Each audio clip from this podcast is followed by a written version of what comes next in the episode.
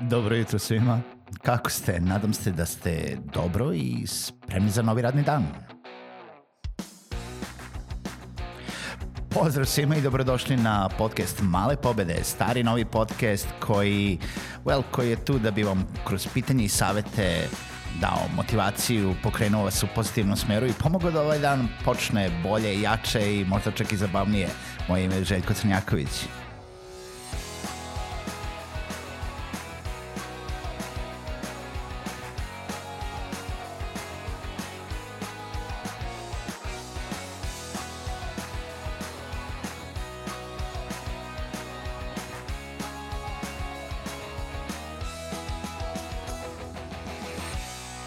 Pozdrav svima, dobro jutro i dobrodošli u još jednu emisiju podcasta Male pobede. E, ja već vidim da će mi se ova nedelja bazirati na nekom podcast sadržaju, u stvari priči o podcast sadržaju, iako ovo što slušate jeste podcast, pa nadam se da ćete me ispratiti cele nedelje. A, Danas e, želim da se vratim, prošle nedelje sam zapravo imao e, jednu epizodu koja se ticala pa, e, ticala se odgovora na jedno pitanje koje sam dobio tokom e, jednog predavanja vezano za podcaste, a to je bilo da li ima sadržaja za one najmlađe u svetu podcasta. E, i onda sam rekao trenutno nema, pogotovo ne kod nas, e, pričali smo o svemu i svačemu što se tiče kreiranja sadržaja, kreatora sadržaja i onome što je dostupno i zašto bi klinci u stvari hteli ili voleli ili mogli ili bili zainteresovani da slušaju nešto u audio verziji. Ono što, što sam naletao sasvim slučajno Uh, u poslednjih par dana jeste baš podcast sadržaj za decu, u stvari audio sadržaj za decu i ne znam da li ste ispratili za one, sad ajde idemo korak nazad, za one koji uh, imaju YouTube, uh, za one koji gledaju YouTube, a to ste verovatno svi vi, uh, ali najviše za one koji imaju decu, ne znam da li ste ispratili da postoji aplikacija koja se zove YouTube Kids. Uh, YouTube Kids je namenjen deci uh, i je jedna aplikacija koja je samo jedna standalone aplikacija, znači iz Android i za iOS uh, i koja može da se zapravo podesi tako da plasira sadržaj samo pa pogodan za decu. Mislim, svi znamo da deca kada krenu na YouTube gledaju sve i svašta. I gledaju i one dobre stvari i one loše stvari i u onom nekom onom uh, brauzovanju i kliktanju po related stvarima veoma brzo zastrane na sadržaj koji nije za njih. Veoma brzo tu krenu ne, neki sadržaji koji mnogo psuju, koji su horor tematike, koji jednostavno nisu za njih, koji su puni nasilja, koji su puni agresivnosti, koji su puni gomile stvari koji nisu za decu. E sad, YouTube Kids veoma lepo filtrira sadržaj koji je ok za decu. I tu ne mogu da kažem da je uh, kompletan sadržaj koji se nalazi na YouTube Kids još uvek onako tipa full za decu, ono tipa kao kad bi to bilo, uh, ne znam, filtrirano od same vas kao roditelja, ali realno, da kažemo, to nije realno. znači, osim ukoliko ne budete sedeli sa vašim detetom i bukvalno klikljali na ono što vi zapravo odobravate uh, da on ili ona gleda, uh, to nije realno da će se baš desiti automatski. Ali, Znači, u tom nekom a, opštem svetu filtriranja, znači YouTube Kids radi sasvim ok. E, znam zato što sam ga testirao na moje deci, e, mlađi, mlađi sin mi je, to jest imam stariju čerku i mlađeg sina, jel da, ovaj, e, na YouTube Kids i sasvim lepo se filtrira od onoga svog sranja koje je gledao na YouTube kad je sam jel da, brauzovao i kliktao i veoma brzo mu se ceo related, ceo suggested popunio sa kompletnim sadržajem koji nije za njega. E sad, Uh, ono što je veoma interesantno jeste da se isto to pojavilo u svetu podcasta. Zapravo Spotify je ponudio i pričali smo juče o Spotifyu kao jedne od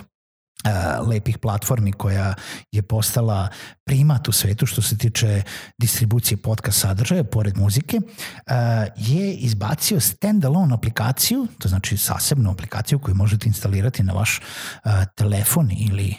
tablet uređaj i za Android i za iOS i koja se zove Spotify Kids. E sad, Spotify Kids je dostupan samo za premium članove Spotify-a koji imaju family account. Znači, nije dostupan za bilo koga kao što je YouTube Kids, nego samo za premium članove koji imaju family account. Ali ukoliko ste to vi ili ukoliko ste našli način kako da imate Spotify Family, postoji Spotify Kids koji se apsolutno skine kao posebna aplikacija na uh, jedan uređaj koji možete da kontrolišete iz svog naloga uh, koji je primarno vaš, jel da kao uh, glavnog i odgovornog menadžera vašeg family accounta i kroz koji možete da odredite uh, različite uh, kategorije koje vaše dete može da sluša ili koje su podobne. Počev od godišta do samih uh, do samog sadržaja kategorija. I uz to onda Spotify Kids plasira sadržaj od uh, dečjih pesmica, sing-alongs, uh, priča za decu, podcasta koji su pravljeni za decu i mnogo, mnogo toga drugoga, sve što je ono u audio sadržaju, a što se nalazi na Spotify-u, baš za najmlađe. I to je korak u pravom smeru i to je ono što uh, smo i pričali sa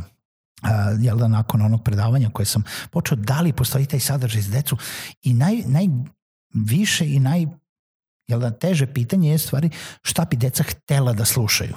Deca neće slušati ove podcaste kroz koje mi radimo neke edukativne stvari, kroz koje radimo neke informativne stvari, kroz koje radimo neke stvari koje su pretežno namenjene za odrasle koje su koje njima nisu zanimljive, koje nisu pravljene možda od strane uh, nekih koji su uh, bliže njihovim godinama, koji su bliže njihovom razumevanju, koji nisu neko uh, uz, jel da, non stop neka zabava. I to jeste činjenica s kojom nebitno kakav sadržaj vi proizvodite, ja mogu da proizvodim konkretno sadržaj za decu, ali jel da namenjen deci, ali da